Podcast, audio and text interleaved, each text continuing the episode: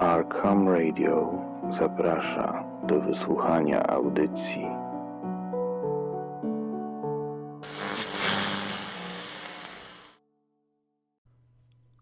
Na dnie najgłębszego korytarza, największej jaskini w okolicy, właśnie umierał młody niziołek. Leżąca na ziemi pochodnia dopalała się w ciszy, odmierzając ostatnie okruchy czasu. Ale wróćmy do dzisiejszego poranka. Młody niziołek, Rufus Wesołek, wędruje samotnie przez gęsty las, nerwowo pogwizdując dla dodania sobie otuchy. Jest najmłodszym z dziewięciorga synów starosty Miodorów, już prawie dorosłym. Rufus właśnie wyruszył na samotną misję odnalezienia góry złota, która pozwoli odrodzić się wiosce po suszy. Ma już dość ciężkiej pracy i tym wyczynem chciałby zapewnić sobie wolne do końca życia. Do taktu nerwowej melodii niosącej się po lesie podzwaniają liczne amulety niziołczych bogów, zawieszone na szyi Rufusa. Bogowie tłoczą się na ścieżce jak w poczekalni, z zainteresowaniem śledząc losy samotnej wyprawy. Są uwiązani do błyskotek i służą ich właścicielowi. Przynieśli ze sobą słodkie przekąski i wino. Może być ciekawie. Nagle drzewa się kończą. Wesołek wychodzi na niewielką, zalaną słońcem polanę, zaskakując pożywiającą się rodzinę ogromnych, brunatnych dzików. Rufus zamiera. Odyniec, pilnujący stada, robi to samo, naśladując ruchy przeciwnika. Niziołek nie ma przy sobie broni.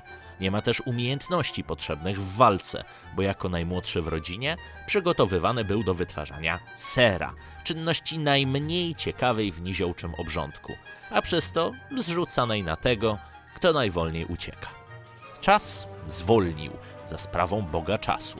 Staruszka nieco ślepego i przygłuchego, który przez zamiłowanie do brutalności dokładnie chce zobaczyć moment rozszarpywania ciałka przez dziki.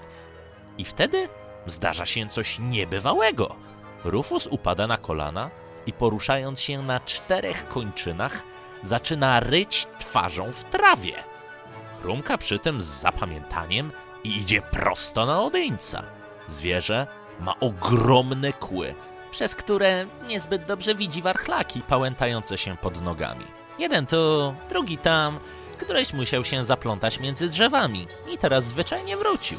Rufus bez szwanku przechodzi przez polanę i chowa się w zaroślach po drugiej stronie.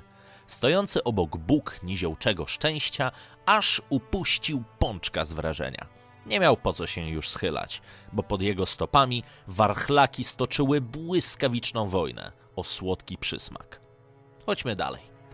Minął dzień i w promieniach zachodzącego słońca widzimy Rufusa, stojącego przy wejściu do jaskini. Widać, że waha się przed wkroczeniem w mroczną otchłań. Podczas drogi przygotował się jak umiał najlepiej. Uzbierał pokaźny tobołek leśnych jagód. Przygotował też trzy pochodnie i kawałek kredy, żeby na ścianach oznaczać pokonaną drogę. Teraz myśli, że przed wyruszeniem na wyprawę mógł jeszcze zebrać drużynę. Za późno. Niziołek w końcu odpala pierwszą pochodnię i wchodzi między zimne i mokre skały. Oświetlane żółtawą łuną, ściany pokrywa gruba warstwa mchów i pleśni. Rufus zna pleśń, bo nieraz używał jej do zaprawiania serów. Wie, że jedynym, co powstrzymuje ją przed rzuceniem się na jego ciepłe ciało, jest ogień. Ogień, który nie może zgasnąć. Początkowo droga wiedzie prosto i ciągle opada w dół. Po czasie jednak rozdziela się na dwa równoległe korytarze. Rufus nie ma pojęcia, który wybrać. Bogowie wiedzą.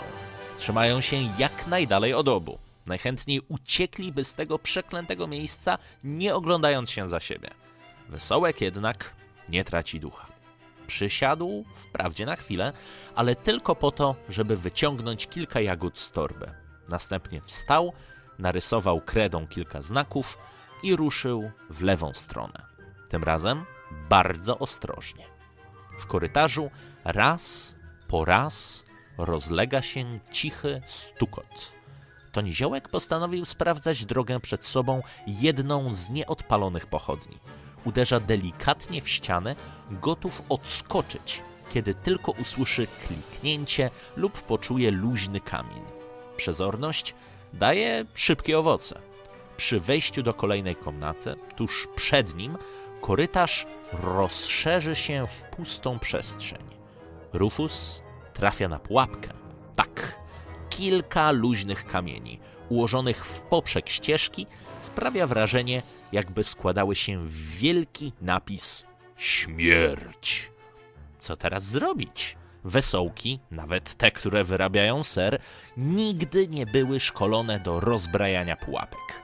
Ba, pewnie nikt w wiosce, a nawet kilku okolicznych osadach tego nie umiał. Zastanawianie się pewnie trwałoby długo, gdyby znów nie zaingerował Bóg czasu. Znudzony czekaniem, przyspieszył, dopalając przy tym pierwszą pochodnię. Rufus podskoczył, żeby zapalić drugą z nich, zanim zrobi się ciemno. Ten nagły ruch pozwala mu ruszyć się z miejsca. Nie do przodu. Drugi korytarz też może być dobrą drogą. Ale nie musi i Niziołek przekonuje się o tym bardzo szybko. Kilka zakrętów dalej widać poblask jak od ogniska. Słychać też paskudne goblinie skrzeki. Ukradkowe zerknięcie w tamtą stronę pozwala zobaczyć grupę pokracznych istot, gotujących strawę w ogromnym kotle. Teraz Rufus zmartwił się jeszcze bardziej.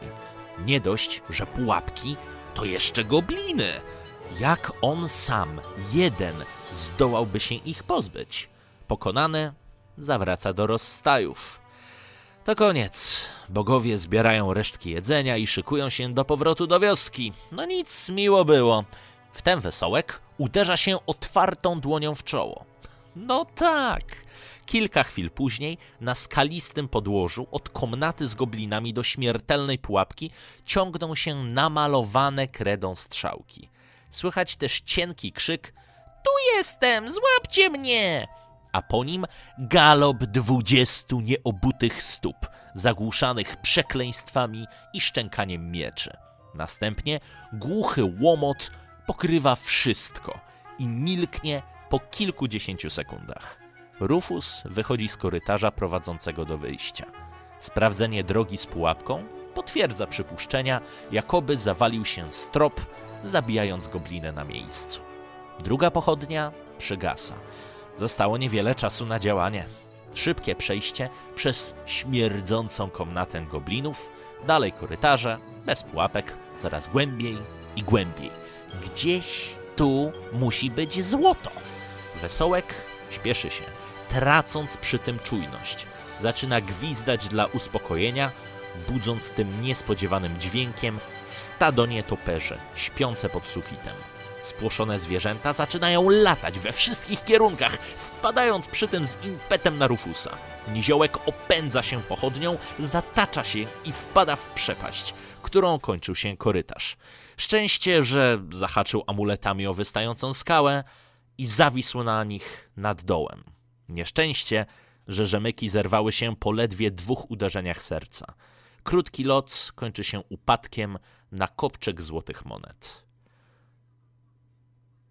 Na dnie najgłębszego korytarza, największej jaskini w okolicy, właśnie umiera młody niziołek. Leżąca na ziemi pochodnia dopala się w ciszy. Bogowie go opuścili. Powoli robi się ciemno.